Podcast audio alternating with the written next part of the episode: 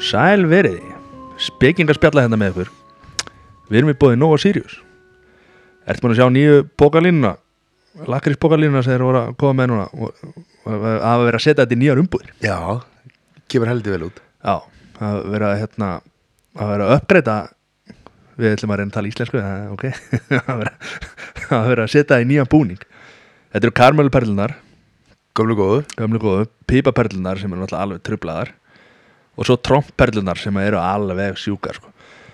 þetta er komið í hérna, nýja póka sem eru hérna, svona stampókar og, og lokalegir. Þannig að þú getur, getur verið með þetta í bílum og þetta er ekki að fara út um allt og fara í bíó með þetta og, og veist, þetta er svona þægileg pókar, Það er komið svona uh, ziplock ziplock Já. Já. en við náttúrulega erum ekki að vinna með ziplocki sko. Við klárum bara pókan og fáum okkur nýjan sko. eins og smakka og getur ekki hægt það er svo leið sko. Við erum jáfnætt í, í búið fagmat famat. Já, það er í smiður. Er smiður, hann er geggjaður. Ef þú ert í fastegnafjöleðingum þá er, er gott að ringja í fagmat og fá að smið til þess að ástandskoða eignina. Menn verði ekki mikið faglegri eldur en hann. Nei, nei, og þá færðu bara hérna fullbúna skýslu um, um svona um, um ástand eignarinnar og, og svo er hann líka í raka og mikluskoðun Já. sem að er, er orðið núna hérna kvimleitt vandamál og, og út um allan bæ hann kemur og, og hérna með alla græður og, og, og mælir fyrir hvort það sé raki eða e, eða, eða, eða bleita eða mikla eitthvað slíkt og, og hann sendir meira þess að sína á náttúrvæðastofnun og þetta er allt ræktað og, og þá færðu úr það skorið hvaða, hérna, ef, að- ef það er miklu seppur, þá hvað tegum það er. Já, mæla með því, fagmat. Svo eru 250 litir. Steppi málari. Liti.is Hann er geggjaður sko. Mörgu tali myndalisti málari landsins En það er nú bara, það eru fáir sem að, sem að munda rullu jafnvel á hans sko. Það er svo leiðis Við hérna Liti.is Steppi málari. Ertu þá farin? Ertu þá farin frá mér? Hvar ertu núna? Hvert liggur mín leið? Spyrjum hvort annan Hvar ég er einn nóg Einar Bárðarsson velkomin til okkar. Takk fyrir. Er þið hérna, það kannast allir við þetta lag. Já, og þú mannst vantarlega eftir þessu lagið ekki? Jú, eitthvað ráma mig þetta. Já, hvað, tu- 20 ár síðan að- að Já, það eru 20 ár síðan að það sérst var í uh, miðan apríl, þá voru 20 ár síðan þetta lag var gefið út og í júni árið 1998 var þetta vinsalasta lag á Íslandi í, í þrjár vikur samkvæmt íslenska vinsaldalistana sem var, var, sem var þá á bylgjunni. Já, og var svona marktækur vinsaldalisti ringt út og eitthvað svona spurt og, og fór eftir spilun allra útastöðu og eitthvað flera já, áður en að fór að telja í hérna niðurhali á Spotify. Já, nákvæmlega en ef við hérna kannski ræðum, við ætlum að ræða það eins á, á eftir Já, en hérna uh, segðu mér hvernig, hvernig ungu maður var Einar Hann er nú bara svipaður og, og, og þungur maður einar er. Þetta er svona bara, ég hef alltaf verið bara líflegur og, og hérna haft gaman að því að prófa nýja hluti og alltaf verið svona skapandi, hvort sem það er í listum eða einhverjum svona framkvæmdum. Og finnst gaman að taka mér ný verkefni og þvælast á milli og svona, ég hef ekki, ég hef ekki haft það að leiðaljósi að festast í einhverju einu. Nei, Byrjaði þetta bara þegar hann varst ungur? Já, Bara í grunnskóla og Já, já, ég fór meira sér að rifja það upp sko þó að, þó að, þó að unglingsárin og, og hérna mentaskóla árin hafa nú farið mest í annarkvort að spila tónlist af plötum eða, eða hljóðfærum eða fyrir, fyrir fólk og, og hérna skemmta því að þá þá meiri sé að uh, eftir að ég fór í þessar hérna það rifjaðist upp fyrir mér allt í einu að nú er, er ég eitt af því sem ég tekið upp á setni árum er að halda hérna Kia Gullringin sem er stórt hjólræðamót mamma mér rifjaði upp fyrir mér eh, að ég held hjólræða fyrsta hjólræðamóti mitt þegar ég var 11 og 12 ára. Það var fyrir aftan húsi á okkur á Selfossi. Það var útbúin hjólabraut með alls konar hérna svona BMX hjólabraut með alls konar þrautum og það var meiri sér að farið sko til guldsmiðsins og keftir velunaperingar og allt og það kostaði mótið sko. Þannig að, gert. þannig að hérna, ég held ég að vera 11 ára eða eitthvað þegar þetta var. Þannig að allt snýst þetta svona segja, þetta, þetta, er, þetta er svona þetta er svona viðburða svona einhver, einhver element. Já, en það var á Selfossi, þú ert uppalinn á, á já, ég er alveg upp á Salfossi já. Já, og fer ekki þaðan fyrir 97 þá fer ég til bandaríkjana í nám í, í hérna, Arizona var í Phoenix í Arizona í hérna, Arizona State háskólan og hérna og var þar í nokkur ár og kynntist konu minni þar meðal annars Já, þú kynntist henni úti í, í bandaríkjum já, sem er reyndar íslensk til þess að forðast allan virkjum En var hún þá í námi líka? Eða? já, hún var í námið þar líka Já. Og hva- hvað varstu þá að læra einhvers, einhvers konar eh, al, eða sagt viðburðar eða, Já, ég var í markas, markasfræði þetta var nú þetta var nú eiginlega á þeim tíma sem það var eiginlega bara Háskóli Íslands sem að kendi eitthvað og, og hérna það var eiginlega ekki mikið um auðvaðan garða gresi að þú ætlaðir ekki viðskiptafræði læknisnámi eða verkfræði. Þannig að hérna vinnu minn var í fjölmiðlanámi þann úti og hérna ég eiginlega eldi hann hann út og vissi nú svo sem ekkit almennilega hvað ég var að gera en ég bara var svona einhver æventir þrá og var þann úti í nokkur ár. En eh, þú nefndir hérna að þú varst farin að skipuleika hjólræðakefnir hérna ungur árum. Hvernig varstu svona þá sem úlingur? Varstu, að, varstu þá með þetta hérna hvað segir maður, þessa, þessa uh, miklu svona skipulagningar eða, eða svona þörf til þess að halda viðburði? Ég, ég sé, sé þið fyrir mér í, í, í úlíkadeldinni vera hérna ganga þetta milli fólks og heyrðu, þú var flottur í já. gjaldkeran setju því formaninn. sko, ég, ég nefnilega ég hafði eiginlega ég hafði eiginlega aldrei sko, ég var eiginlega ég, ég, ég fór aldrei sko í formann nefndafélagsins en, en og eiginlega aldrei í það en ég var hins að það var eiginlega bara því ég var svo upptekinn að ég skipulegja félagslíf sko utan, utan hérna skipulags félagslíf sem orðaða þannig ég, mest allur tími minni frítími minn til dæmis í gagfræðaskóla það er að segja hérna það sem í dag er kallað hérna 8. og 9. og 10. bekkur hann, hann fór í það að að keiri gegn að það var opnu félagsmyndstöð á Salfossi þegar ég kom í gagfræðaskóla þá var ekki félagsmyndstöð á Salfossi en þegar ég fór úr gagfræðaskóla þá var búið að stofna félagsmyndstöð á Salfossi Já, Vel gert maður og, það, og ég það náttúrulega þá vantaði mig sko, þá, þá, þá gekk það út á það að búa til aðstöðu þar sem að hérna, við getum komið saman krakkarnir og við getum verið að DJ og við varum að halda skólabölu og skemmtanir. Þannig að ég var eiginlega svona upp ég var eiginlega of upptekin í því til þess að til þess að vera sko í félags hérna, hérna ofinbera félagslífi. Það hann byrjaði tónlistar, varst í tónlistarskóla var Já, áður en að það hafi verið þá hafi ég verið, hérna, mamma mín hérna, og pabbi kefti handa með gítar. Ég hafi lært aðeins á blokkflötu bara sem stöpur og þegar ég var 9, 10, 11 og 12 ára þá sótti ég nám í, í gítarleik. Og var nú, aldrei, var nú aldrei neitt rosalega ég, ég, er, ég kann nóg á gítar til að geta sami á gett lög sko, en ég, ég er ekki mikill gítarleikari svo að því sé nú alveg haldið til haga sko. En þú, hérna hvenar er það, hérna, dansband EB Já, er það, er það í já, mentaskóla? já er- sko, svo, svo er þetta þannig að ég er svona með hennan DJ-draum í, í, í maganum sko, alveg þangað til ég klára, klára hérna, gagfræðaskóla sem er hérna, tíundubekkur þá fer ég út sem skiptinemi til bandaríkjan í eitt ár. Og þegar ég kem tilbaka þá var svona komin svona þetta er, svona, þetta er alltaf svona pólar í, í, í, í, í lífinu, tískubylgjur og, og svona hvert tíðarandin fer þegar ég kem tilbaka frá bandaríkjunum sem er árið 1989 þá er eiginlega svona disco eða útleið eða sem það er að segja ekki, ekki disco disco heldur svona að, að vera DJ það var svona heldur á, á útleið. Og það var svona frjóri arfögur fyrir, fyrir hljónsveitir SS Soul og, og hérna Sálnans Jónsmís hefur verið nýstofnaðar hérna sveita balla svona já, já, svona, svona, svona ballhljónsveita uh, þetta var reyndar á mjög skrítnum tíma en allavega þar koma svona allt í einu sem sagt íslenskar hljónsveitir að spila íslenska tónlist á íslensku. Af því að allir þanga til höfðu við svolítið verið í svona einhverjum, einhverjum Cover- cover- já, já, og líka já, bara ballhljónsveitir höfðu verið coverhljónsveitir og svo voru hinnir sem voru að semja eitthvað og svona, þeir voru bara mest megnis á ennsku, kannski að fullir á mikið. En þá greip ég gítarinn aftur og við stopnum hljómsveit nokkrir hérna skólafélagar í fjölbrödd og hún hétt Tommy Rótari. Að því að vinur okkar hétt Tommy og hann var Rótari. Og þetta var nú mjög hérna frumleitt nafn.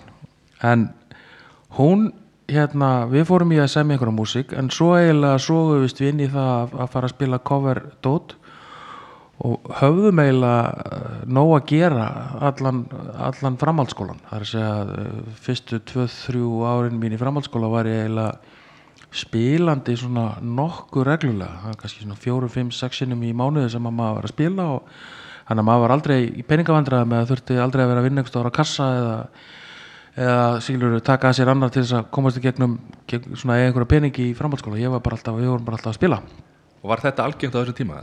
nei, ekki myndi ég að segja það. Það er framtaksseimin og, og hérna. Já, við vorum bara duglegir og, og svona, við vorum, áttum mikið að vinum og, og við byrjuðum bara að koma okkur fyrir hérna á einhverjum uh, fórum að spila mikið á, á hérna, pub á Selfossi á 50 og 40 og svo vorum við bara endanum að við vorum ránir mikið bara í svona alls konar ásáttíða jökk eitthvað og, og það var bara nót til þess að við vorum bara að spila eitthvað svona partymúsík og það- var bara nót til þess að hafa ofan í svo á. Sem var bara mjög fínt á þessum árum. Síðan sem sagt hættu við í því og þá eh, hérna búum við til og þá voru þeir byrjaðir með okkur hann í Tómar Rótara strákar sem heiti strákar sem heiti Þórir og, og Heimir sem eru reyndar ennþá í á móti sól. Og, og hérna Sævar reyndar líka sem er í á móti sól og Stefán félagi minn sem er trommari við fórum og stofnum þetta dansband EB og spiluðum síðan eitthvað svona og þá var það því að hinn hljónstinn hætti og ég vorum eiginlega bara að spila upp í bókanir sem að ég átti bara hérna, við bara höfum aðgang að það því að hinn hljóðastin hafi spilað árið áður eitthvað svona rugl. Þannig að við bara, já, já þá var svona, þá var nú komið meiri galsi og þá vorum við svona þá vorum við hættir að rembast við að vera einhver að meina þetta og vorum að spila alls konar bull og villis og bara skemmtum okkur konunglega eins og við reyndar að gera allan tíman þannig að það, það var nú svona hugmyndin að þessu dansbandi EB en svona til þess að en síðan sko hætti ég þessu öllu saman. Held áfram að reyna að koma mér inn í koma mér í gegnum fjölbjörnskóla og ætlaði mér að náttúrulega fara í háskóla en, en hætti því nú og, og, og fór svo út í svona skemmtanahald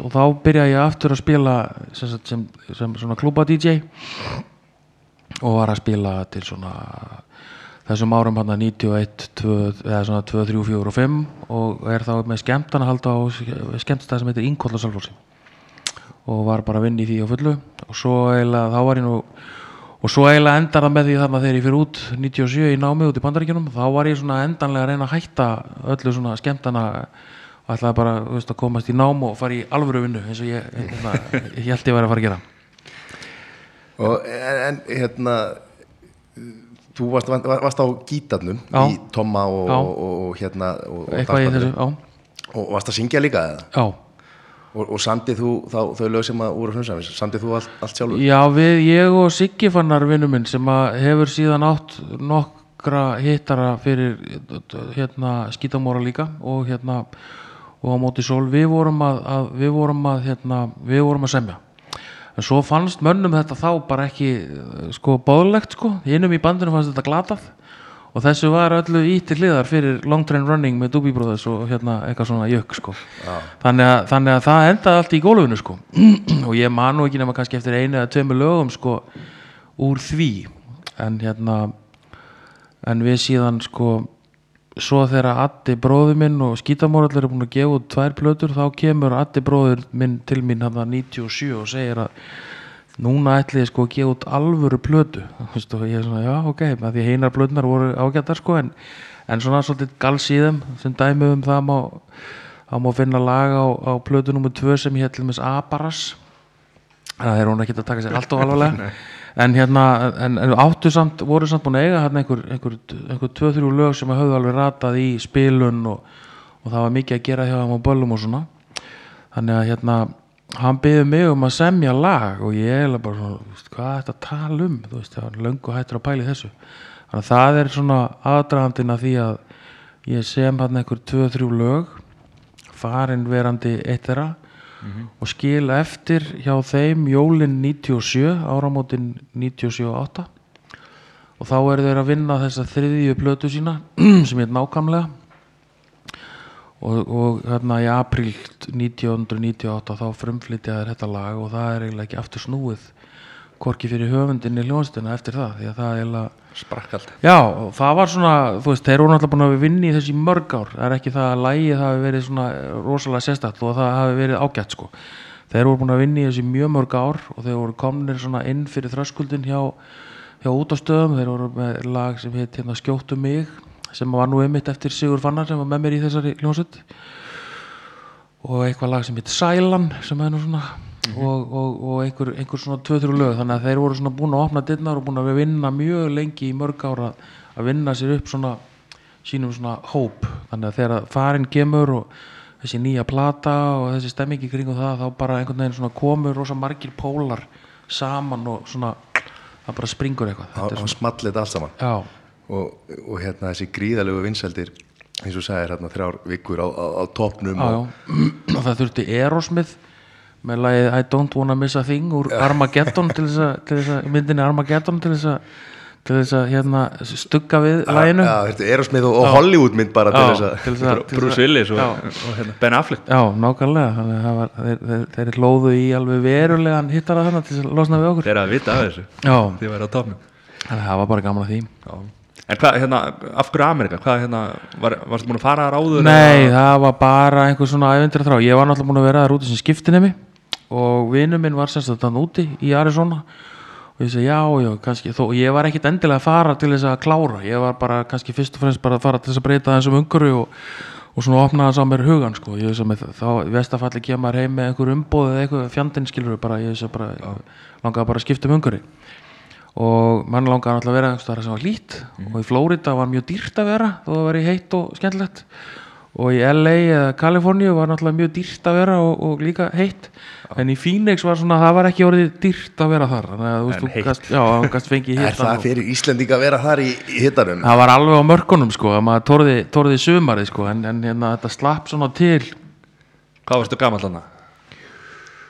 ég var uh, ég held uh, upp á 25 ára amelið þannig ég var ég var 23 ára þegar ég kom út Já. já, 23 ára. Þetta hefur nú verið sérstakna já, já, þetta var mjög já, já, þetta er náttúrulega er alltaf, maður læri náttúrulega alltaf mikið að vera út í Ameríku og bara búa í öðru samfélagi. Þetta er svona þetta var svona til dæla íhaldsamt samfélag þarna í Arizona en, en skólinn var náttúrulega skólasamfélag. Þetta var 50.000 manns þarna í, í námi í einum og sama skólanum þannig að þetta er svona frá, frá öllum þjóðlöndum og svona þannig Bara frá Selfoss að þongaði svona smá stök Já, já, það var mjög mikið stökk. Og hérna borgin ein og sér er, er tvekja miljón manna borg. Nei, hérna, þannig að það var hér mikið. En það voru mikið af Íslendingum manna svona á sömu fórsendum og ég þetta var góð skóli en, en eins og ég sé ekkit, ekkit allt og dýrt að vera þarna með að við það sem gengur og gerist. Þannig að hérna og ég var þarna til, til ásins hvað, 2000 eða 99 þá, þá sérst kláraði ég mín að vera þarna Og þar var ung stúrka, Já, Áslaug já. Og var hún þá í, í sama skóla og þú eða var hún einhvers Já, hún var í sama skóla, já, en hún var í öðru námi, hún var í svona uh, sálfræði út frá vinnu, uh, svona, uh, þetta heitir, hérna, ég mælu ekki hvað þetta heitir á ennsku, en þetta er svona vinnu sálfræði. Og hvernig, hvernig kynnist þið þá í gegnum einhverja sameilega vinni? Já, Eða? já, við kynntum sem gegnum sameiginlega vinni, þetta er náttúrulega lítill, svona lítið svona Íslendingasamfélag, kannski 50 manns sann í það heila sem að voru svona hittast öru kóru. Þannig að þú komst ekki með neitt umboð heim Þú komst bara með konu. Já, ég kom með, já, konu og, og einhverja reynslu, já, já, Herri, að því að við erum nú að tala um það, þá Já. mér að lesa smá textaðina já, Ég er miklu meiri spenntur fyrir þér. Mér langar bara að vera einn með þér. Akkurat, Þó vindar blása á móti, stend ég hér Því ég er miklu meir en spenntur fyrir þér. Já, þetta er dýrt maður. Já, hvað hva text er þetta? Hvað séru? Hvaða text er þetta? Þetta er spendur úr, úr hérna, þetta er textin spendur við hérna á móti sólægið samnefnd, en þetta er einmitt um þessa, þessa konu sem við vorum að tala um á hann Er þetta sami úti? Nei, þetta var nú bara samið hérna í Ingolstrætinu held ég Já. og hérna þeir voru að leita eftir, eftir hérna þá voru þeir félaga mínir sem að voru sagt, með mér í hljónst í Kanada þegar þeir hérna þeir voru farin að heyra lögin með skímu og þá vildu þeir svona aðtöða hvort það væri eitthvað, eitthvað pláss fyrir eitthvað lag fyrir, fyrir sig hérna en það er svolítið gaman að, að, að sögu þessa lags sko spendur að, að það ég hérna ég fór með tvö lög í undankefni í Eurovision árið hérna 2001 og það var sagt spendur og Birta og Spendur fór ekki áfram komst ekki inn í kemina en, en Birta fór áfram. En, en Spendur var síðan náttúrulega bara eiginlega ennþá vinsallega lag heldur en hitt sko. bara Já. ódöðlegt lag. Og Já, já. náttúrulega þegar að, hérna svo náttúrulega gerði nætuvættina sko algjörlega ótrúlegt sko. Hann hérna hann hérna, hvað hann nú? Jón, Jón, Jón hérna Ólafur Ragnar. Ólafur Já, Ragnar, já, hvernig getur maður ekki munað Ólafur Ragnar eh?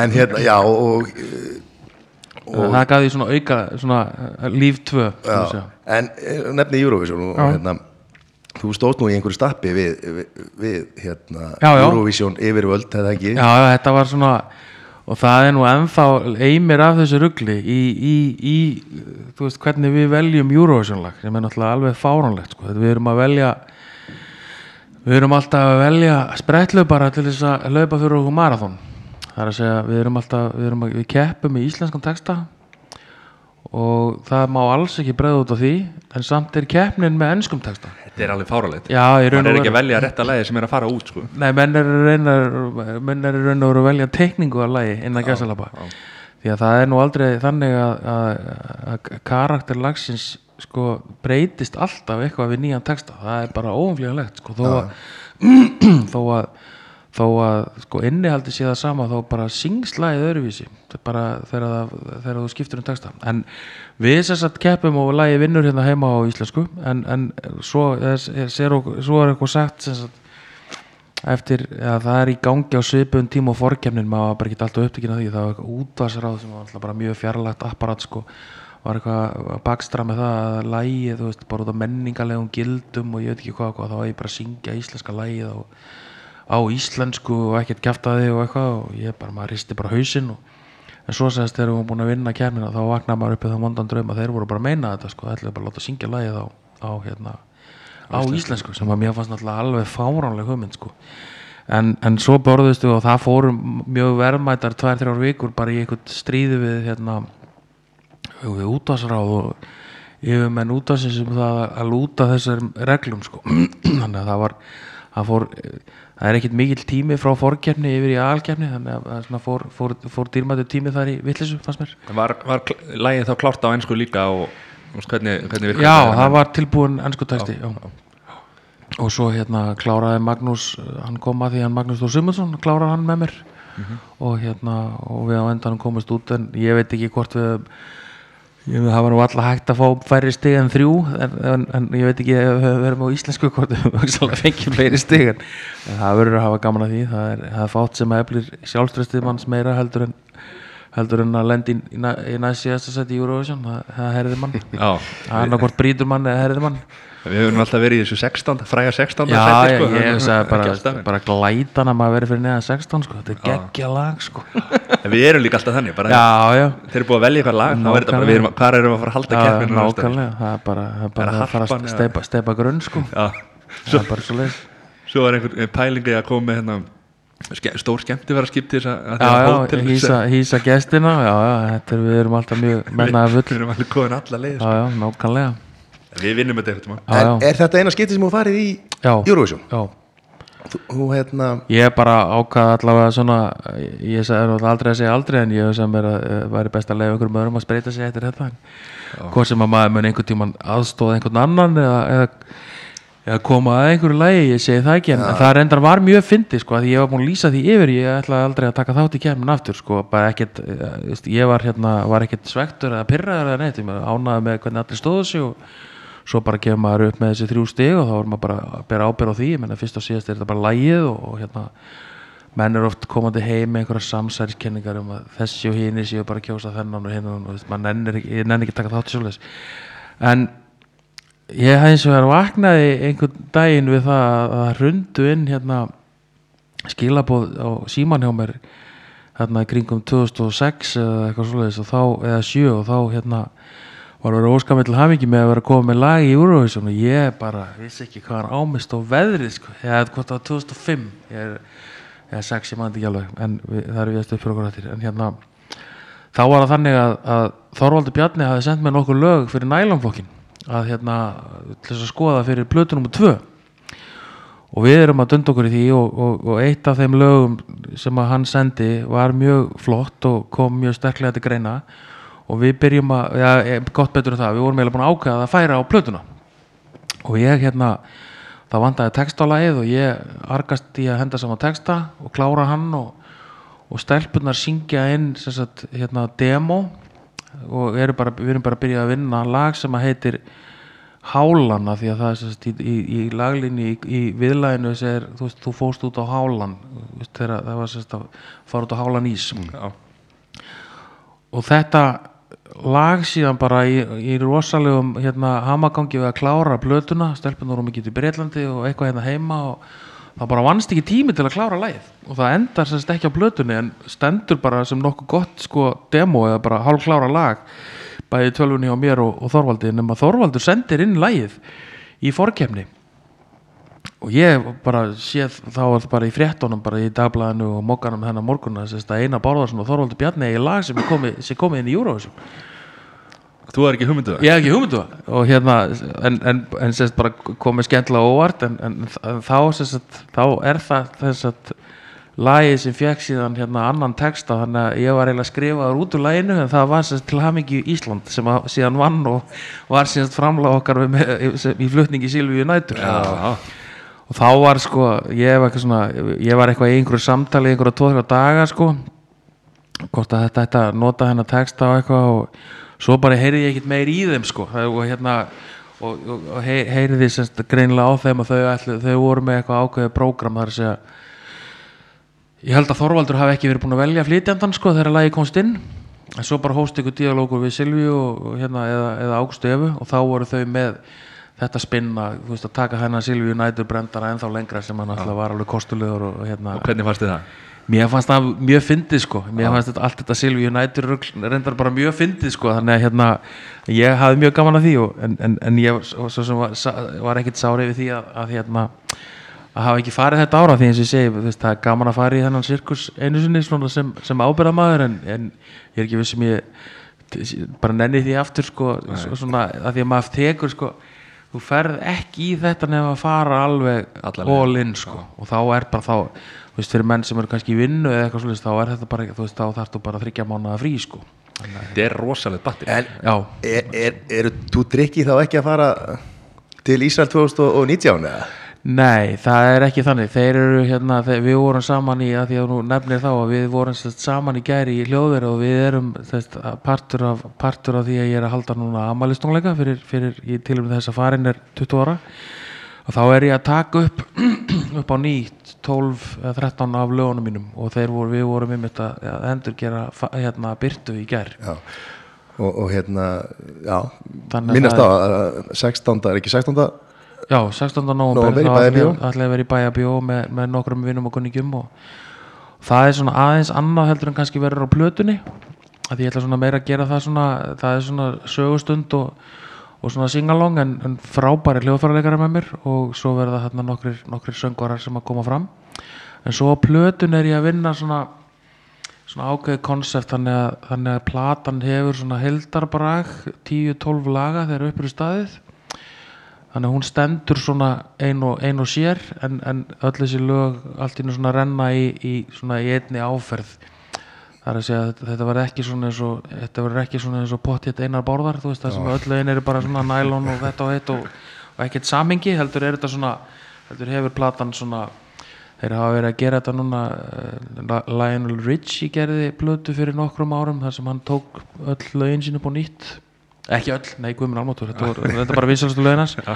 Og hérna og þá er svona, það er svona ákveð svona country twang komið yfir allt á þess að verða á þess að hann sé að jóðla sko. En það er, það er svona mjög skemmtilegur fílingur og það var svona einblasturinn fyrir, fyrir, fyrir plötuverkefni Tengi við Lionel Richie, man, það er ædolið já, já.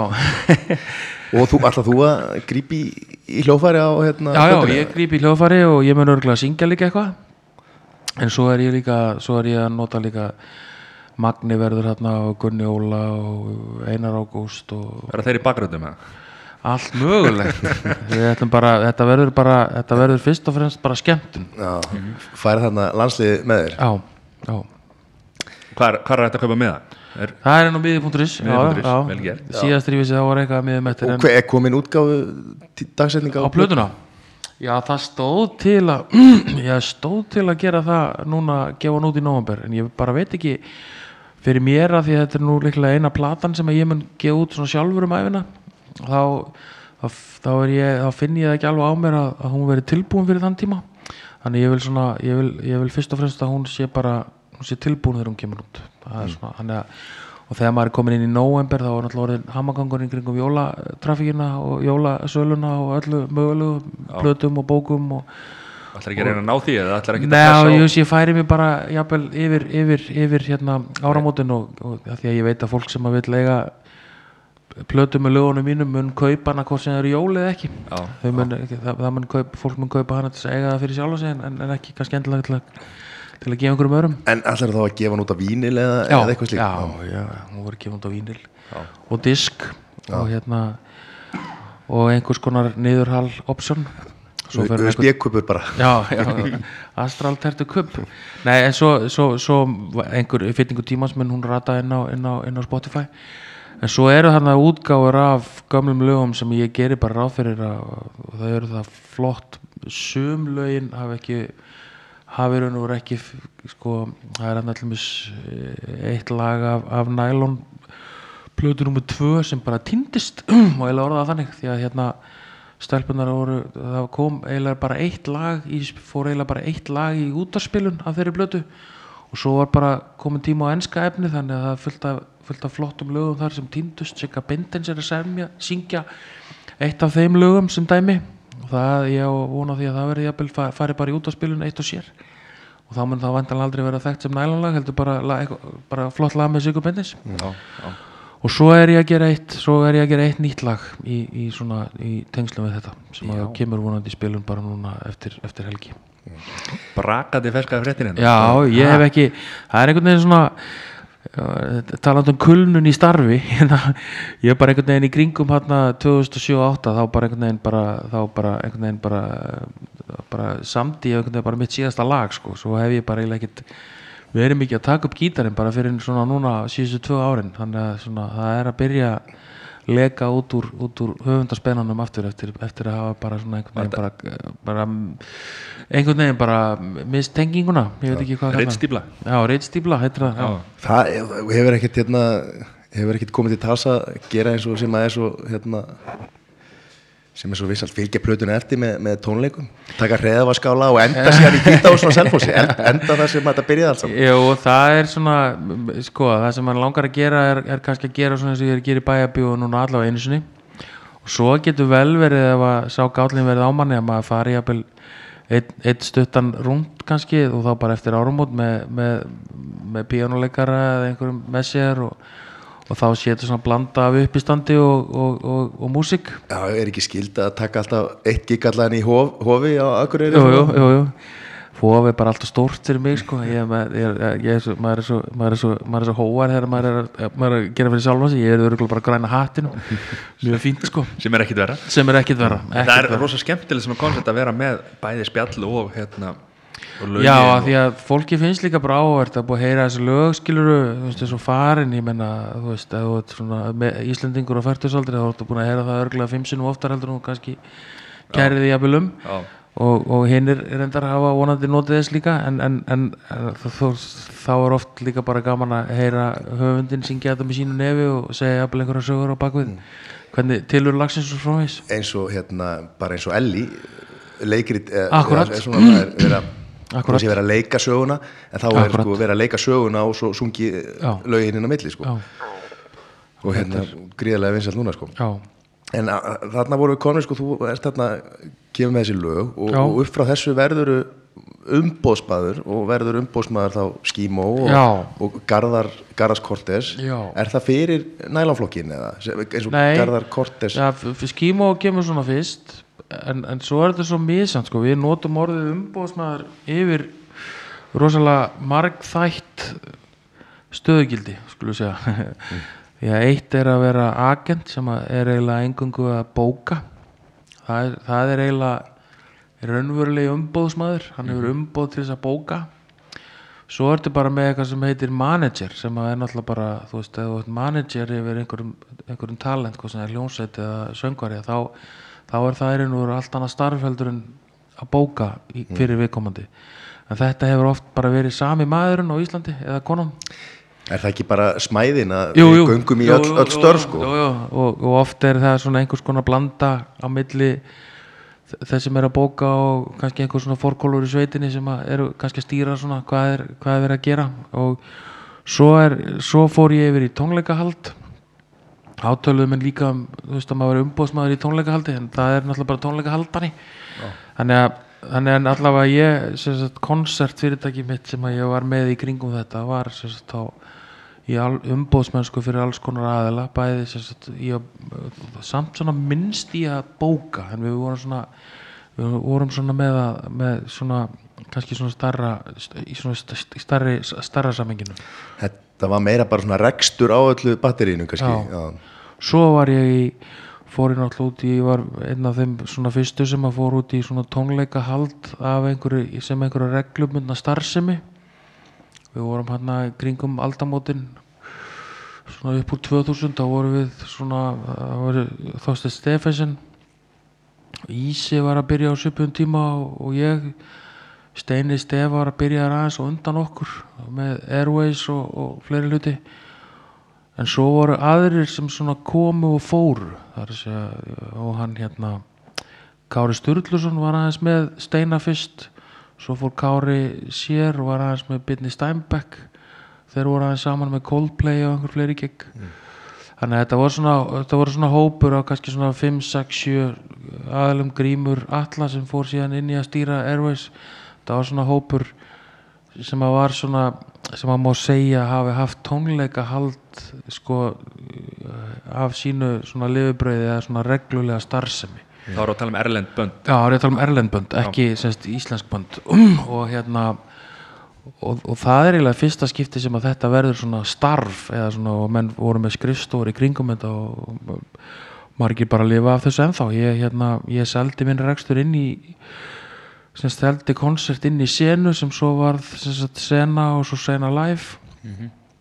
Um, og fekk reyndar að halda nafnin og held einhverja nokkra tónleika eftir það. En svo bara það má ég alveg segja að það hefur verið síðustu tónleikan sem ég langaði að halda. Það voru Elvis Costello og James Taylor í hörpu eftir það hefur svona bara veist, ég er eiginlega búið með þar áskorunni sem ég langar að taka af mér í þeim, þeim geiranum sko. Er þetta ekki erfið bransi? Jú, jú, og svo er bara að- aðrir orðnir rosalega góður í þessu, veist, Ísi er að, er að, er að náttúrulega komin, veist, lang lengst og lang, með, með, hefur, hefur, hefur tröst þessa erlendu stóru aðela, þannig að, Guns N' Roses og, og hérna. Já, þeir eru reyndar, ég með hann er nú náttúrulega með, með, með hann hérna, Ed Sheeran í sumar og var með, með Justin bræðuna, hérna, Timberlake og, og, og hinn í, í kórunum, þeir voru nú hérna reyndar, hérna, solstismenn með, með Guns N' Roses, en, en, en hérna þannig að það er svona en, en ég er ekkert að útlöka það að maður haldi e- eitt eða tvö gig í framtíðin en bara svona þetta, ég er svona maður er ekki maður er ekki á hörðinni úti að, leita gigum. En þetta er svona þannig að ég starfaði í þessu eiginlega linnulöst frá 2002 til bara ní- 2008 já, mm.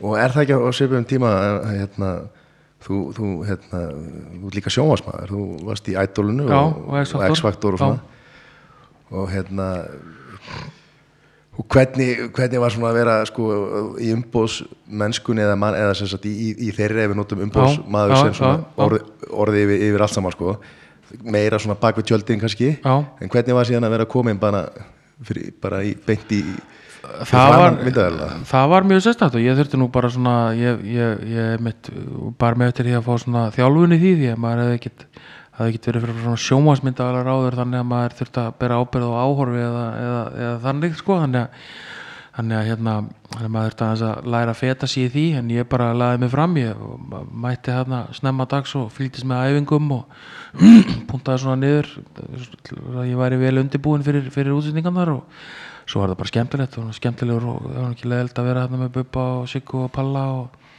og öllu þessu liði sem var í ædólinu og sem síðan fer yfir í X-Factor og, og svo svona þegar ég fór í þegar við vorum í hérna þegar var verið að undirbúa Idol 4 sem að þá eiginlega bara áð hvað stöð 2 að skipta alveg um dómnefnd. Þá voru Jón Ólafs og Björn Jörundur og Selma hérna í dómnendinni eða síðasta, síðasta ringin sem að ædolið fór fram. En ég held að sé nú jafnvel komið tíma á, að- taka dustaríkið af ædolinu bara aftur. Það er náttúrulega, bara, þetta er ótrúlega þetta er allt önnur kynslu sem að sem að þrammar um, um, um stræti borgarinnar í dag og er að leita, því að, leita tækifærum sko Já, Er en það ekki? er, er markkópurinn ekki sko, á, á þessum tíma Já. þá var þetta þannig að þegar ædóli var í gangi Já.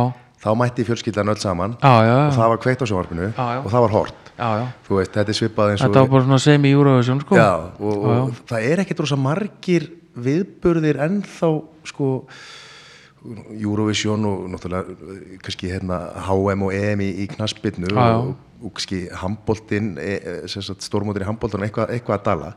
Ek, kannski ekki svo var en já, þetta var, svona, þetta var heilaðu tími Já, já. bæði X-Factor og, og, og hérna er Idoli. eitthvað, eitthvað við, þetta var á föstudagskvöldum ég held að það hafi verið svona ákveðið líkill í þessu þessi, þessi sjó sem að hafa verið núna eh, ég veit ekki hvernig X-faktor var ég held að það hafi verið sundagsprogram það er eitthvað við föstudaginn sem er bara, þú veist, þá koma allir heim og það er bara pizza og svo bara hótt á sjónvarpi sko. Ég held nefnilega þess að þú ert að reyna að segja Sæður að, að, hérna, að sjónvarsefni er ekki að halda fjölskyldunum við sjónvarpi sko, en Nei, ef nei. efnið er nógu gott þá kemur já. fjölskylda saman og horfir á þetta E- eins og, eins og kórar Ísland sko, ég, hérna, það var ekki að ná þessu sko, þessu, þessu hérna, þessari miklu svona fylgni Nei. þú veist, það var bara það var öll vikan líka undir lögð já, já, í ædoli sko. allir að býða hvað gerist næst og Já, og vera að fréttir af þessum og hinnum og eitthvað það var umræðin á kaffistofunum sko. Það var, var, það var ædolið. já, það var síðasta, síðasti þáttur og hvað verður í næsta og, og svona. Ég held að það sé góða punktur, ég held að það sé komið tíma á aftur vegna þess að sko, eins og ædolur út í Ameríku, hvað er það, 20 og eitthvað. Þeir hafa líka verið mjög klókir í að endur nýja sig en það er svona náttúrulega ákveðni rauði þræðir sem að haldast alltaf. Það er alltaf sami kynir og, og hérna Simon hefur nú alltaf verið í domnundinni en, en svo, svo róterast þetta aðeins og, og, og náttúrulega prógrami alltaf svipa það er alltaf verið að syngja en, en, en, svo er spurningin mér eins og, eins og, eins og The Voice íslenska. Þa- það kannski ná, var ekki eins og, eins og ædoli sko. Nei, það það- var, það var mjög flottur þáttur og gerði, en ég held sko, ég, það, það liggur, það er eitthvað svona, það er eitthvað, ég veit ekki hvort það er tímasetningin eða hvað það er, það vantar eitthvað, það vantar eitthvað svona, eitthvað, eitthvað, eitthvað smá ekstra til þess að, til þess að, til þess að sprengja það upp. Okkur fannst við ekki ná því til dæmis í X-Factor sem að var í, í ædolunu en samkvæmt áhorfstölum var hort jafn mikið á, á hérna, á X-Factor og, og var hort á ædolið en hins vegar svona en það koma svona önnur element inn í X-Factorið það er svona, menn svona horfðu til þess að sjá hvað gerist næst en menn elskuðu ekki prógramið eins og þeir elskuðu ædolið sko. Ég kann ekki að útskýra nákvæmlega hver munur var en það, en það var einhver, svona, einhver, einhver munur, svona áferðamunur. Já. en þetta voru, þetta voru skemmtlegi tímar. Ekki spurning. Já. Og e, sko, hvenar er, er, er X-faktor að ljúka? Hver, hver, hvað ár erum við að tala um? það þarna? var 2000 árið 2007 þá var, það var X-Factor árið ég held að, eh, að því þetta er alltaf við vetur og þá sagt var ædolið var hérna sem ég satt í domnend fyrir það var 2005 og 6 og hitt var 2006 og 7 já. og þá hætti það svo kom eiginlega eitt ár í frí nei það var ekki eitt ár í frí svo kom bara, svo kom hinn serían bindinni þá Já. Í- það er þessi Idol fjögur kom í framhald af því já. Já, með þá hérna Selmu Með og, og Bitni og, og. En hérna, og, var bandið, bandið að spubba, var bubba það var svo í framhaldi. Að eða hvort að það kom í miðjunni ég, ég þetta ekki alveg. Það er eins og með minni að bandið hans Bubba hafi verið í á undan Idol fjögur. Já, já, ég er ekki 100% en ég er eiginlega, já ég held það ég held það. Og, og hvað hérna þarna á þessum tíumbili eftir, eftir sjónvarsferilin þá Já. hérna og það hérna en við, erum- nú að hérna því vorum að tala um umbós og ferilin þá náttúrulega sko er náttúrulega algjör synd að Luxor komst nú aldrei almennilega á flug. Nei, það var hérna það var nú, það var nú, það var nú líklega hef ég nú bara verið komið með of mikið á, á mína könnu þá. Ég var, ég var ég náttúrulega eiginlega bjó út í London þá þegar við vorum að koma því saman en svo bara svo, svo hérna að því það var alveg hellingsmarkaður fyrir, fyrir, fyrir það verkefni. En, en, en það sem að gerði eiginlega út um, út um prógramið var að, að hérna að sagt, það byrtist dómar um plötuna sem voru mjög áhugaverðir vegna þess að platan var ennþá í tolli þegar dómarnir byrtist það var enginn búinn að heyra plötuna og, og búa dæmana og, og... já, já, Já, ok. Og búið að hérna, lýsa yfir algjöru frati á, á, á þessa músík. Hvað heldur það bara að hafa einhver leikið Nei, ég held að viðkomandi hafi bara aldrei heyrt blöðuna hann hafi bara verið búin að heyra, heyra tvö-þrjú lög bara Já. sem að voru bara komin í spilun eða e- eitthvað annað. En dómanir hófust á því að sko að, að Luxor væri eiginlega allt uh, sagt, í tónlist sem að viðkomandi hataði Já, ok og það er sem að þá hefði nú bara strax þá hefði maður bara skynsanast að láta einhvern annan dæma blötuna en, en hérna mönnum, mönnum lá mjög mikið á að- reyna að gera lítið úr þessu verkefni allavega. Þarna var nælón alveg á, á tvínandi blúsi? Já, þá, þarna voru þenn alltaf bara bara út í Bretlandi og við vorum að gefa út plötuna skarðars líka út í Bretlandi þannig að, hérna, þannig að hérna, það var nóg að gera. Já, já, þannig að svo svo eru þeir eitthvað, fór eitthvað þetta fór náttúrulega fyrir, fór illa í drengina og það var svona einhver, einhver, einhver voru einhver svona einhver svona einhver svona pyrringur yfir þessu þeirra á milli. Og hérna og ég eiginlega kann eitthvað skýringar á því en, en tveir þeirra ákvaða bara að hætta og þá sagði það var þessu bara sjálf hætt ég hafði ekki orkuði að vera að reyna eitthvað að reyna að halda því saman Nei. Já, já. en eftir situr að platan og, og músíkin á blötunni svona menn hlusta á það hún er, hún er, hún er helviti góð og við endum með því að nota eitt af lögunum e, á blötuna hjá Garðari Kortes sem kom sérst, eftir eh, hérna setni blötuna sem við gáum út í Breilandi þannig að þetta var, þetta var, þetta var, þetta var ekki algjörlega ónýtt. Nei, þó að að þessi dómar þessi, Hvað segir maður? Dómarnir hafa ekki verið- Já, fólk kannski búin að mynda sér einhverja skoðan fyrirfram já, já. á, á þessum hlutum og án þess að gefa því sjens já, já, já, þetta var, þetta var svolítið þannig. En, en það er bara þetta er bara þetta er bara svona já, þetta er bara stundum er bara tíðarandi svona. það er hérna Þú er aldrei verið hrættuð að taka þér stóru verkefni eins og nælón hérna? Nei, nei, ég bara hef bara mjög gaman að því og eins og, allumis, eins og með nælonverkefni þú veist, þá hefur ég bara, þú veist, það er búið að gera þetta út um allan heim þú veist, alls það er búið að gera svona band fyrir, fyrir, fyrir hérna, stúknaband þar sem að, þú veist, maður finnur bara hæfileika ríkar stelpur til þess, að, til þess að syngja flotta músík. Og ég var búin að vera að dæma söngakefni til söngakefni til söngakefni skilur í framhaldsskólum og háskólum og, og hverju sem er og, og svo er þetta bara alltaf þannig að næst ef maður sé stelpundar þá, veist, þá voru það bara að byrja að vinna í banka eða þú veist, eitthvað skilur þú veist, það bara, bara þú veist, strákar geta alltaf fundið sér hljóðfæri og einhverja til að spila með sko en, en þú veist, einhvern veginn svona vantaði meira átput fyrir, fyrir söngkonur. Og ég, mig vantaði þú veist, að því að þegar, að, þegar ég ákvaði að fara í þetta þá var ég búin að eiga fullt af lögum með skítamóral og fullt af lögum á móti sól. Á móti sól var farið að gera hérna, cover af, af svona íslenskum eitthvað top, tíu bestu íslensku lögin eitthvað svona. Þeir voru að gefa út svona coverblutur með íslensku lögum og skítamóral var bara hættur og var bara hættur á tíðanbili í mörg ár. Þannig ég hafði engan til þess að semja fyrir. Þannig að það var líka svona veist þannig að ég, ég vantaði einhvern til þess að semja músík fyrir. Og mér langaði að gera svona meira pop dót.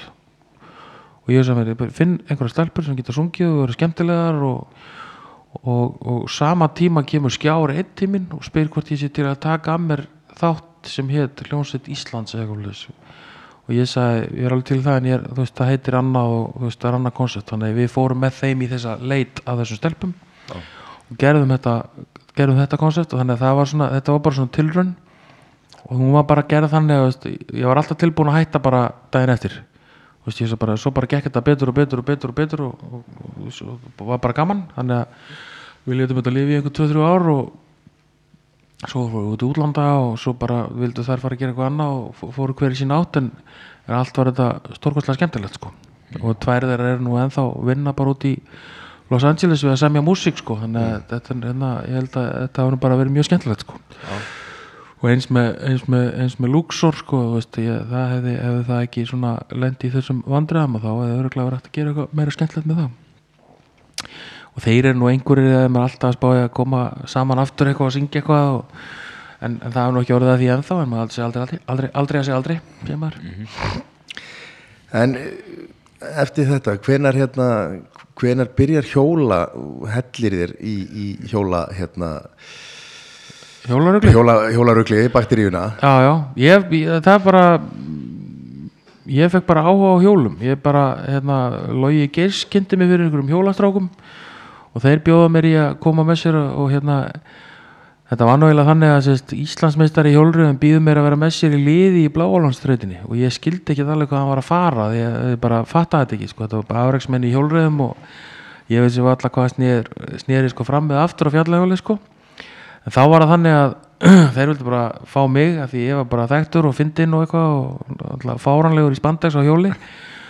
Og með sér í liðið af því að tími þryggja af fimm gildi og þeir voru svo hérna, þeir voru svo hrókafullir að þeir voru alveg samfærir um að þeir þurfti ekki fimmta tíman Já, þannig ég hjólaði með þeim í liðu og endaði með því að, með því að fara á pall í liðakefninni sko. vel gert þannig að þetta var og það, það er mín fyrstu kynni af hjólriðurhjóttinni sumarið 2011 frekar en 2010 svo bara, svo aðeins ég inn í þetta og, og hef bara mjög gaman á og gefa út blað núna sem heitir Petalar og hérna sem ég ætlaði bara að gefa einu sinni en það, við erum komin á komin, ég er að fara að undirbúa útgáfa að blaði nummer 7 þegar ég gefa út tvö á ári.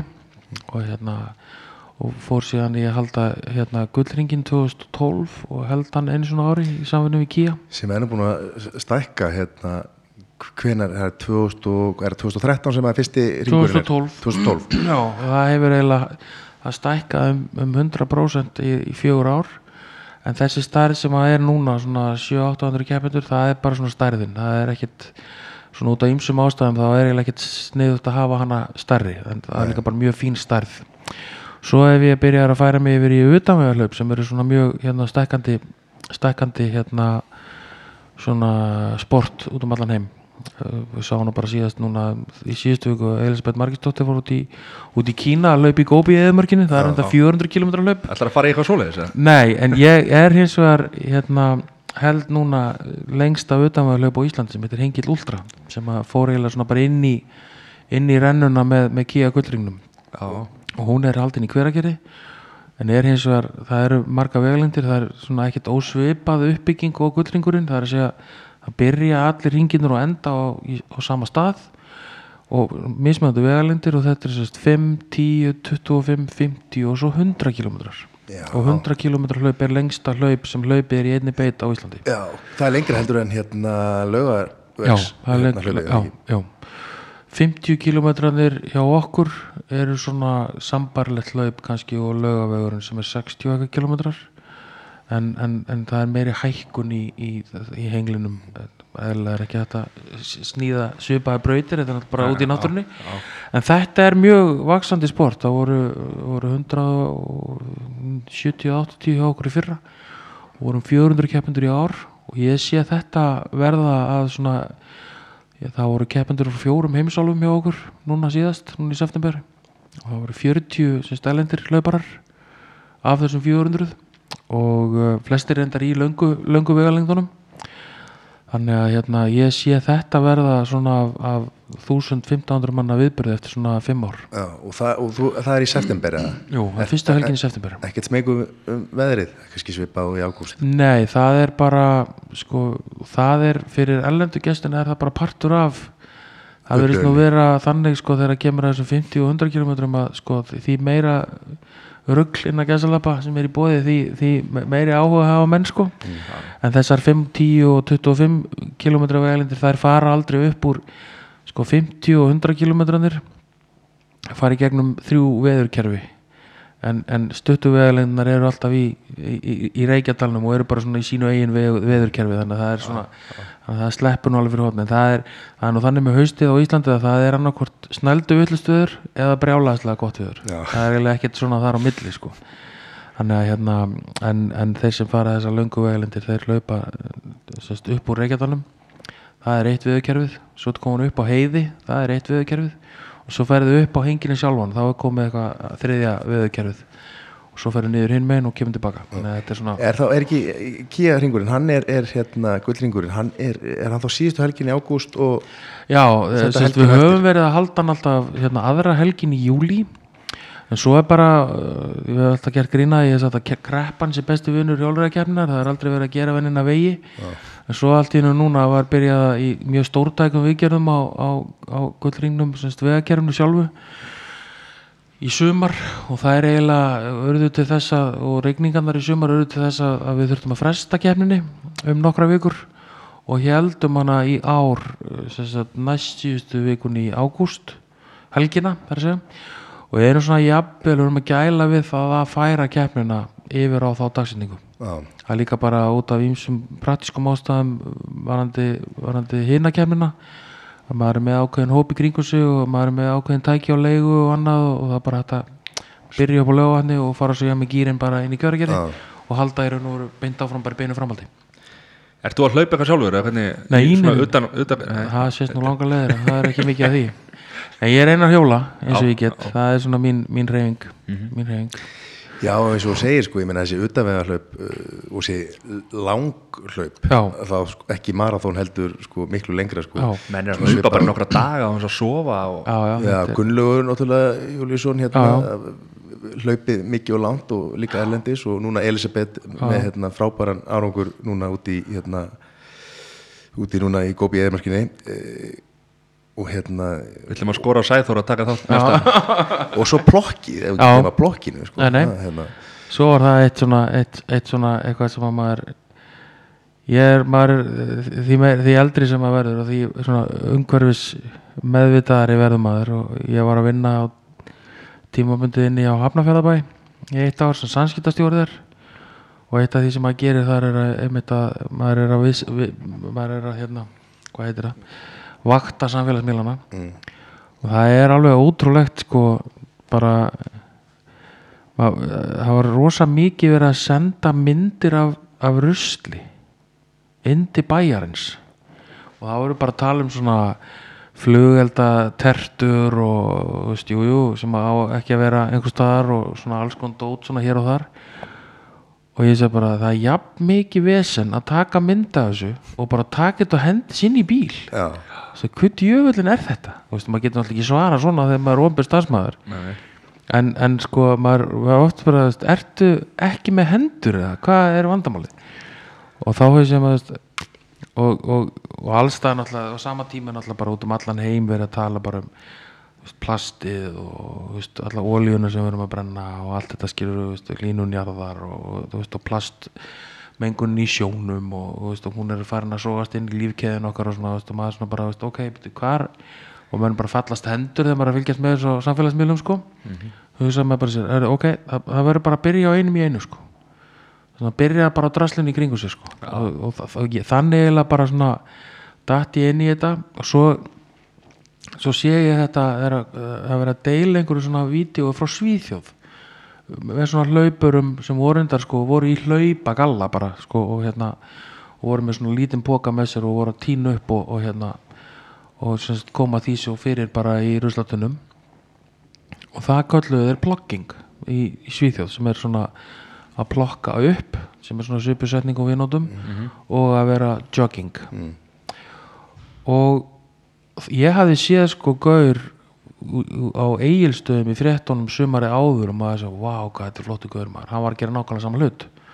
Nema hann var bara, veist, hann var bara veist, í landanum bara og gísli var bara að tala við hann eins og hann var einhver vittlisingur sko, hvað, en dettu þetta í hugan auðvitað er náttúrulega bara kundagsæti bara hleypu með fram vegagerfun og er tína rusl. Klálega og sama tíma var maður búin að dást á Tómasi Knútsinni sem er hérna út, á, út, í, út, í, út, í, út í Reykjanesbæ Er með herinn. herinn? Já. já, svo er hún Björk Fríðu Freyja sem bjóð út á Lauganestanga hún var öðru hverju að blása til sóknar og var að týna rusli í Lauganesfjörunum og maður sá það í fréttunum og svo voru feðgarnir hérna Hávar og, og, og hérna hérna Hávar Sigursson og sonur hans. Þeir voru hérna voru byrjaðar á þessu líka og hérna drengurinn hafi sonur hans hafi plataðan til að fara með sér út á tína rausl og ég bara einhvern veginn, ég, ég stopnaði bara hérna plokk á Íslandi, bara bjóð það til á Facebook. og svo bara fór ég markvist í að ná í þetta fólk sem ég vissi að var svona og bjóti svona vettvang þar sem að við getum verið að skiptast á skoðunum og eina sem var bannað, það var bannað að kvarta. Ok. og bannað að byrta myndir af einhverjum það sem var drasl skilur og mátt bara byrta myndir af hérna, drasli sem þú búin að taka og setja í póka og svo máttur þú taka myndir af svæði þar sem þú varst búin að taka til. Það var bannað að kvarta og kveina yfir einhverjum öðrum. Já, þetta var ekki svona að- að kall, kall einhvern nút og eða Nei, svona, nei. hvað segir maður svona, hérna, Nei, svo máttur þú segja sko ég ætla að vera þarna á lögadaginn þú veist og ef þið vilja koma með þá er það velkomið sko. Já, en ég sé að þú, uh, þetta snerist ekki um að svona að Benda- að- á- einhvern og svona fussa á sagði, og, það er hérna- og klaga einhvern sko. Og til þess að komast í veg,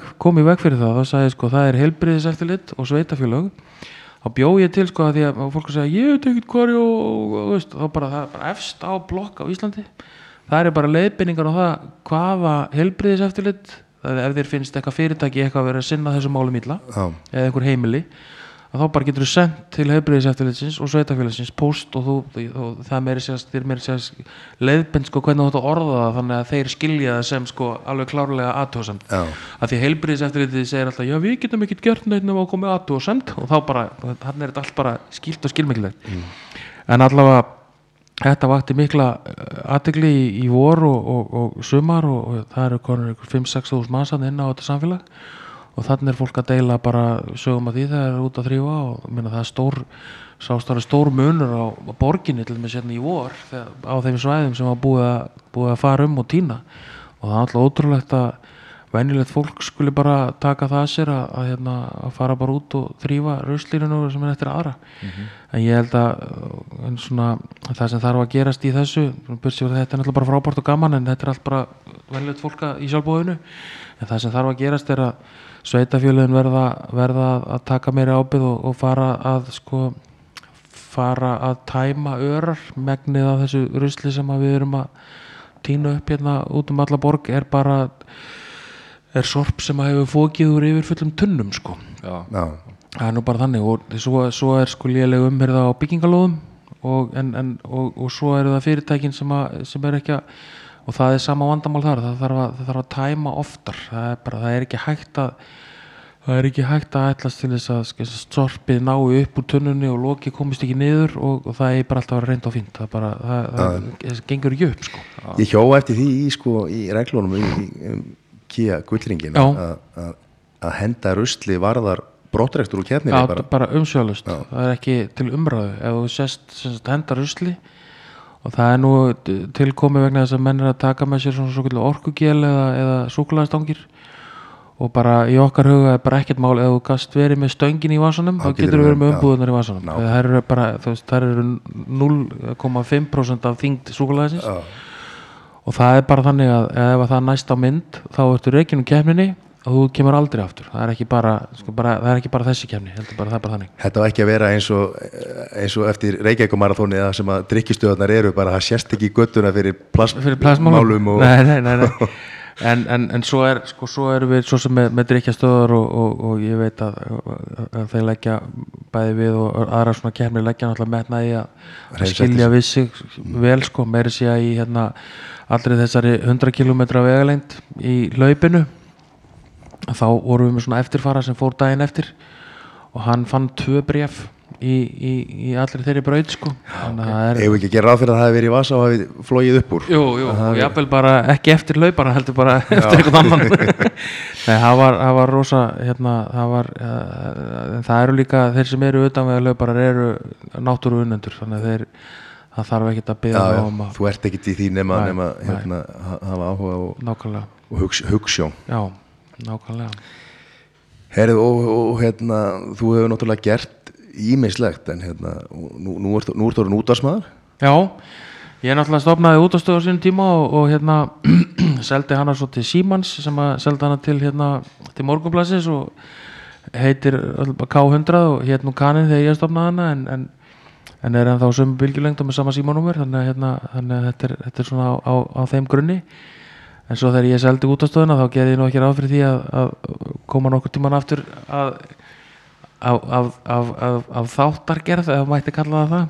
En hérna ég leisti af í sumar í, í, hérna, í bítunu á bylginni og ég fara að malta þeir ringduður í mig og spurði hvort ég hefði áhuga á að koma inn í, inn í þennan þátt bakaríð sem er á bylginum Já, á, já. á löðsmónum Me, me, með svavari. Já, og, og Svavar var eitthvað svona var, var, var búin að vera þarna á káinu með Svala og Svali fluttur út og hann var svona eitthvað byrjað að kýtla í hann var eitthvað byrjað að kýtla í mikrofónun og honum og, og hérna, þannig að við ákvæðum bara að slá til og, og skemmtum okkur konunglega og hann með núna með annan partner sem er eins og Svali var Svali ekki að hjóla mikið og, Jú, jú, svona, jú, jú, svona svolítið útivistar uh, annað útivistar umhverfis annað problem hann í henni já, já, S- S- Svavar er stór skemmtilegur við erum að ég er búin að þekkja hann alveg í 20 ár þannig að hérna þannig að það fyrir vel á með okkur hann í loftinu. Já, já, og hérna verði, verði alla, alla lögðarsmáða ekki í- Jú, í, jú.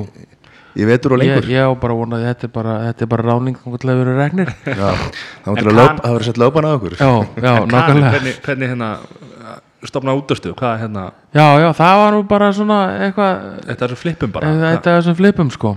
Það var enda rándýrt flip en, en hérna en eins og ég segi það er, það er stofnaðar ótrúlega margar útastöðar á landinu og, og það eru fleiri útastöðar stofnaðar á landinu heldur en manni, manni grunnar það er ekki allir sem komast í gegnum sko alla þessa fasa. Þannig ég er nú bara mest ánæður með að, að stöðin sé ennþá í loftinu sko. Þó hún sé með öðrum, öðrum rekstarformum og, og hérna þá er þetta svona sama ég sá alltaf kanan fyrir mér eða sem gáhundra núna, ég sá alltaf fyrir mér sem stöðin á milli FM 957 og, og bylgjunar og ég held að hún sé bara, hún er þar ennþá. Svona, það þarf að segja þegar kemur að tónlist og, og svona þeir fóru reyndar þegar mokkin kaupir hann að morgunblæðið árvakur þá, þá, þá fóru þeir svolítið langt í áttina að bylginni með því að setja loga hann á mótnana og, og magasínið sko setnipartinn já, mi svona mikla dagskrágerð Já, mér fannst þér, fara og, veist, ég held að fólk sko, ungt, gamalt fólk innan gæstalapa, eins og ég sjálfur veist, ég þarf að hlusta á frétnar en, en, en langar bara að hlusta á músík helst sko. þá, þú veist þá, þá, þá, vil maður sko, ef maður vil magasín fréttir þú veist, þá getur maður fengið þar svo ágætar sko á, rástöðu og, og, og mjög góðar á, á bylginni þannig að, þannig að þú þarft að vera með helviti góða ætlar að smetla þér í þá keppni. Í staðan fyrir að hafa kannski eins og magasínu og, og Ísland vaknar á mótnana mér, mér fannst það að vera svona of mikið spjall eða þetta að vera aðeins meira hluta allar músík en, en hérna en, en mér tókst nú ekki betur til en svo með útastöðuna ég þurfti að selja hana þannig að ég þarf ekki að hafa ég, þarf ekki að vera að ég hafa rétt fyrir mér í þessu en, en þetta er nú svona bara svona sankheimsgreining það er bara skoðanir Já. já, já. En þetta var mjög lærdómsvíkur en þetta er svona að reka að stopna útastöðu svona svolítið eins og að opna veitingastað. Hann náttúrulega bara, þú veist, þú bara opnar og það lokar aldrei, þú veist, þú bara, það lokar ekki fyrir nú annarkort fyrir hausinn eða selur það það er bara svolítið Þetta er, það, var, sko, útvarfstöðar uh, saga Íslendinga er merkileg. Já, með allt hérna, allt eins og þegar Exi var að stopna Exið og Mono og allt þetta Já, já. sko og uh, menn hafa nú sagt menn og konu hafa nú sagt þessar sögur eða hérna hvernig það, það var allt sko hérna var það ekki, þegar hérna erlendu aðalarnir áttu hérna, áttu er ekki Exið og, og jú, FN97 jú, það voru einhver einhver kanar, amerikanar og, og hérna já, þetta er svona mer- merkilegur hérna, merkileg saga útastöða sko, og þú, hérna, og þú stór hluti að, henni. Já, já, alla- já, allavega smá. En þetta er, en, eins og ég segi það er ekki, það er ekki Bylgjan var stofnuð og hún er ennþá og FM var stofnuð og hún er ennþá þarna. Það er ekki margar sko sem að, sem að, sem að halda lífi. Þannig að það er gaman að gaman að hérna ég held að sé nú engin í loftinu núna sem að ég er- er- réð en ég réð þó Sigga Gunnars en, en hann var fa- farin út í nám og er svo komin aftur þannig en, en á tímabilið þegar Svali og Svár voru það var síðasti þátturinn sem ég sett í loftið sko áður en ég hætti hjá, hjá símanum að ég var að vinna hjá þeim. Já. En er ekki komið tími á hérna, nýja bók Jú, frá? það verður að, nú verður að fara að ræsa, ræsa, hérna, ræsa sagnaríðanar maður, Arnar Eggert og taka, taka, taka bók nummer tvö. Já, alla keður á tannhjólinu eða, eitthvað slíkt já, já, eitthvað svoleiðis. hann er að gefa út hérna blað alltaf, þannig að nú Já, eitthvað já, að, hérna, En það, já, það er svona, það er hugsanlega komið, komin tíma á það, eða bara svona podcast, sitt og röfla bara og, Þú ert komin í útvarpið Já, nákvæmlega. Nei, það, það, jú, það getur vel verið. Það er svona en, en það er svona, maður er svona ákveðin tíma, tímamóta núna. Maður er svona velta fyrir sér svona velta fyrir sér svona næstu, næstu skrefum. En ég hef hins vegar mjög mikla trú á þessu, þessu hengilslaupi og ég held að það verði geti orðið svona mjög stórt verkefni svona að því að núna erum við að byrja að skrá fyrir næsta ár og þeir sem eru mest að banka á hörðina og býða eftir að það hvenær skráningar opni þeir eru allir frá Asju þeir eru mest frá Suðukóri og, og, og Hong Kong sem er að sem býða bara á hörðinu hvenær opna skráningin hvenær opna skráningin. Þannig að hérna þannig að ég hérna ég er svona, ég, hef- já, það er svona það er svona eitthvað sem að maður hefur sem svona, svona ákveðið svona brottitt framtíðar Við eigum náttúrulega, þessi, þessi hlaupabraut er náttúrulega bara þessi íslenska hérna, náttúru er náttúrulega já. stórkostlega og þessi, þú veist að geta sagt að þú veist að hlaupa á á hérna á eldfjalli og, og á þessum tíma sem er alltaf annað sem að kannski Íslendingar spá ekki drosa mikið í en þú ert komin inn í september þá eru norðurljósum byrjuð á fullu Já. Þannig að allir dagana fyrir hlaupið núna, það var reyndar ekki norðurljós í hlaupinu sjálfu, það var bara því að það var, það var skíjað sko. En þú veist, þú getur verið að hlaupa hann um hánótt og bara, veist, bara dansandi norðurljós og stuð þannig að það er þannig að það er hérna, og menn tala við á fólk að hlaupa í myrkri en í þessum löngu hlaupum þá er fólk að hlaupa út í myrkri út um allan heim. Er því að þannig að það er ekkert ef þú vilt hlaupa yfir, yfir, yfir hérna með, með minnættur sólina þá er svo, veist, það sem það, það hefur gert þessum sumarkefnum erfitt fyrir að vaksa er að það er ekkert mikið svigrum hvorki á flugfélagunum í hótelum til þess að byggja þetta upp með þér.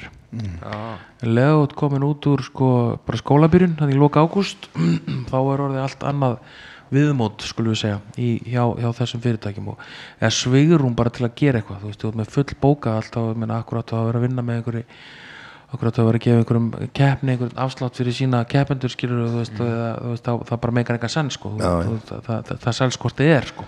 Og meina, þetta erfis hefur þurft fært sig upp á hótelbók og, og annað sko, kringum þetta sko.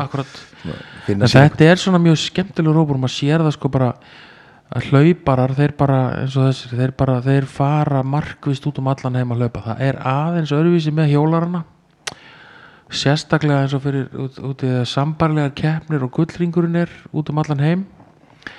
Þær eru þær eru hjólaðar á lokuðu gödum það er semst, er út í Svíþjóð er bara og Danmörku og fleiri stöðum þú veist það bara loka með þessum gödum og það er ekkert, þú veist, það fer engin brjálaður á Facebook, það er bara það, fólk finnst bara partur af bara stemmingunni bara að fá svona keppni í héraðið sitt og það er bara geggjað og fara allir bara nýr á, á vegkant og, og bara hvetja og bara gaman sko Já.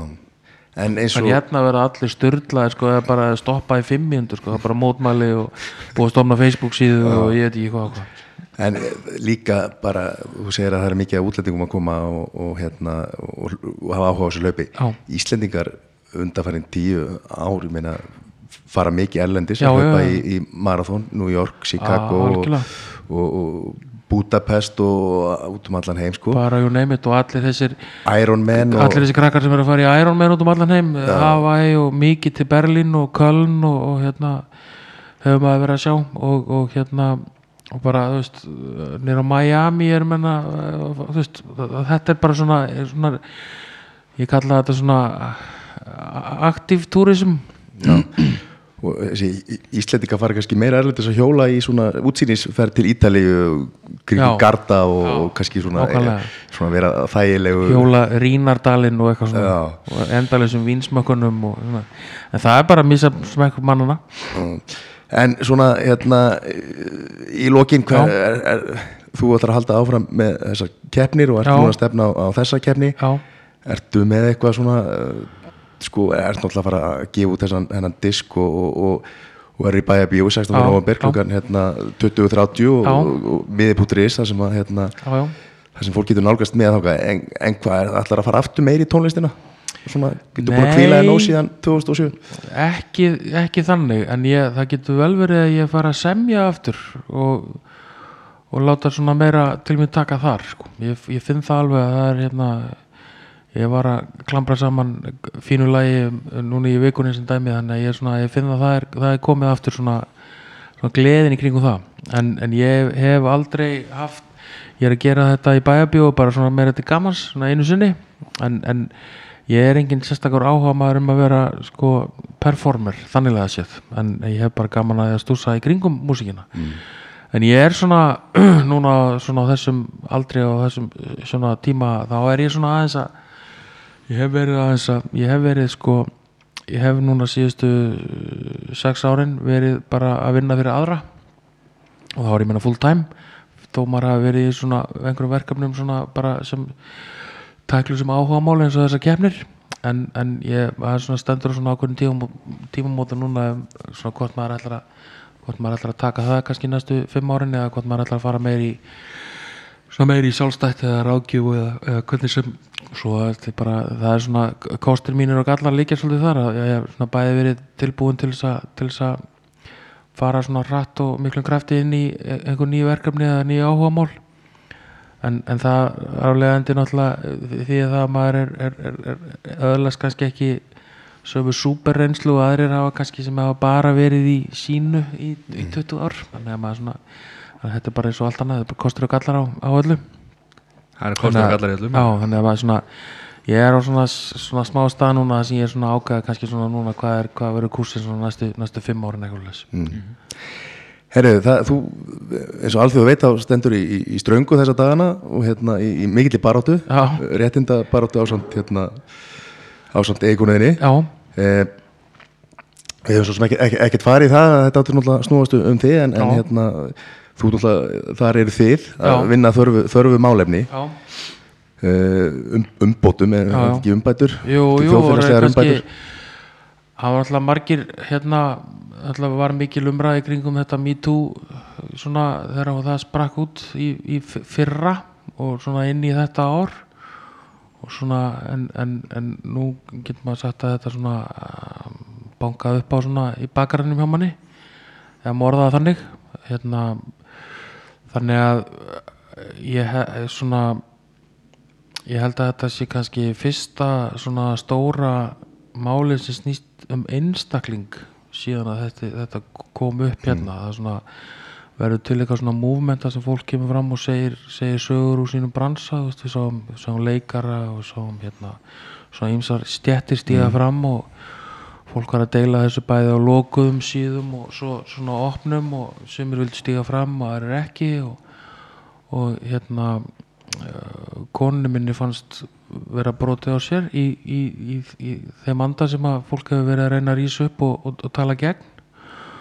Og hérna við veltum við fyrir okkur smá tíma hvort við ættum bara að láta okkur hafa það eins og margir gera og bara kingja því og láta svo ekkert væri og, og hérna halda bara áfram en, en þar sem að uppsögnin var óutskýrð og, og svona heldur harkalega þá, þá fannst henni hún ekki uh, svona geta haldið áfram út í atvinnulífið með, með þetta svona hangandi yfir sér svona óútskýrt sérstaklega í ljósið þess sem hún vissi en var kannski alþjóð veit í dag en að hún svona taldi og, og bara já, það var bara á henni brotið og, og hún vildi bara þannig að við ákvæðum bara að taka slægin og, og höfum nú svo sem ekki við svona reyfðum aðeins við þessu og, uppást síðan náttúrulega mikil atbyrðar á sem að er náttúrulega bæði verið erfið fyrir hana og örglega erfitt fyrir fyrirtæki og fólki sem er að vinna þarna og, og eins og hún sagði sjálf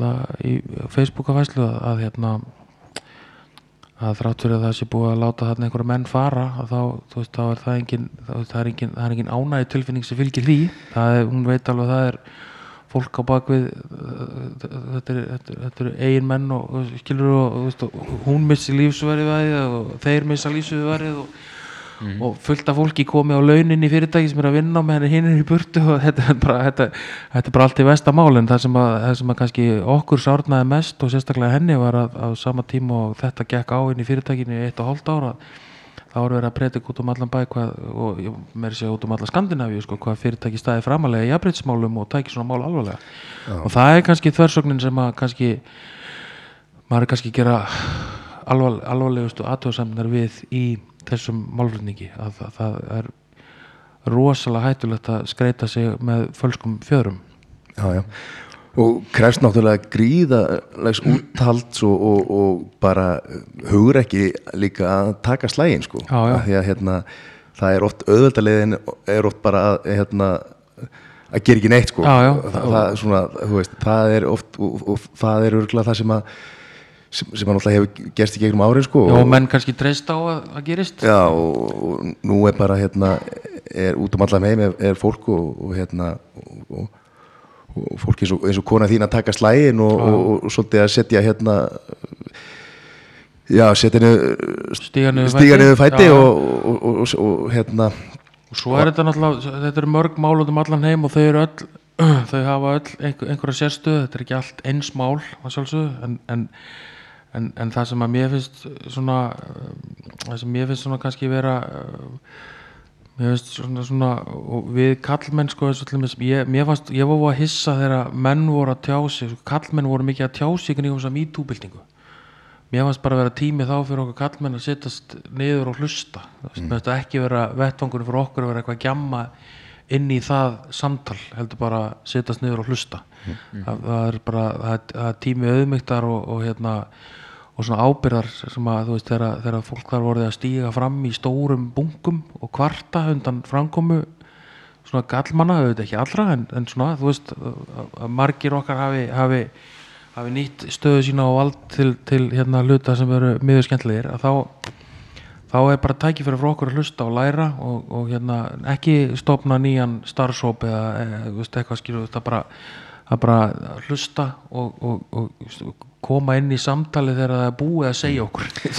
Le, leifa svolítið smá reyn, reynsunar uh, reynsunar fara ekki, ekki á vanvirðingu heldur akkurat dögut, virðingu við málið. Veist að leifa, leifa upplýsingunum koma öllum að nú oft sk- skammaði fyrir það kall menna að vilja leysa öll heimsins vandamál fyrir konunur okkar. En, en hérna en þarna var svona tími til að heyra allan málflutningin áður en að var- gripið til. En, en það er líka og þess vegna er svo núna að, hérna að þetta er, nú koma menn svona fram og, og veist, það kemur þetta mál hann upp í háskóla sem líka er mjög sérstakt. Og hérna og það er svona komin ákveðin, ákveðin staði því núna. En, en svo eru svona svo eru menn svona stíða fram og segja "Já, hvað, má ekkert og hvað, ég bara, ég skil þetta ekkert og og svona uh, menn eins og, út í bandaríkjunum þá fyrir Donald Trump að teikna þennan, þennan nýja hæstaréttadómara sem eitthvað fórnalamb sko kallmenn er ekki fórnalamb í MeToo hérna umræðinni það er bara það er bara einhver allsera miskilningur og línan og hvað má það er rosa einfalt í mínum huga það sé bara, þú ímyndaði bara að allar konur séu dætur þínar eða, eða þú sétt afi allra kvenna, skilur Já. og bara anskotast að koma þannig fram fyrir.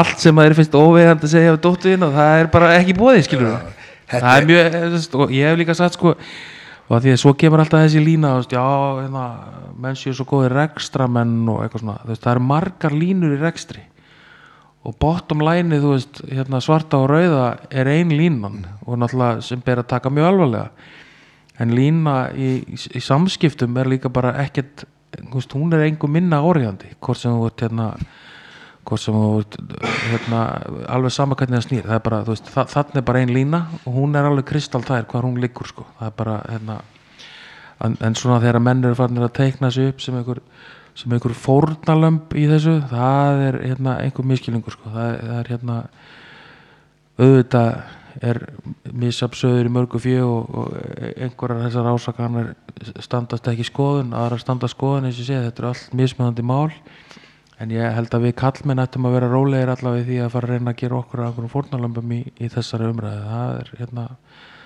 það er, menn þurfa þá aðeins að fara yfir einhverju svona smá sjálfskoðun en þeir- en þeir- að fara fram með þann málflutning held ég. er þetta ekki góð orð? ég held að Einar við þökkum við kellaði fyrir komuna. Endum að byrjum á léttan útum og endum á grafa alveg það er líka þarf að ræða alveg málun líka. Gangi ég vel að, hérna, og ykkur í þessari baráttu. Takk fyrir það, takk fyrir það. Og hérna takk kjallaði fyrir komuna og, og fyrir gott spjall. Mín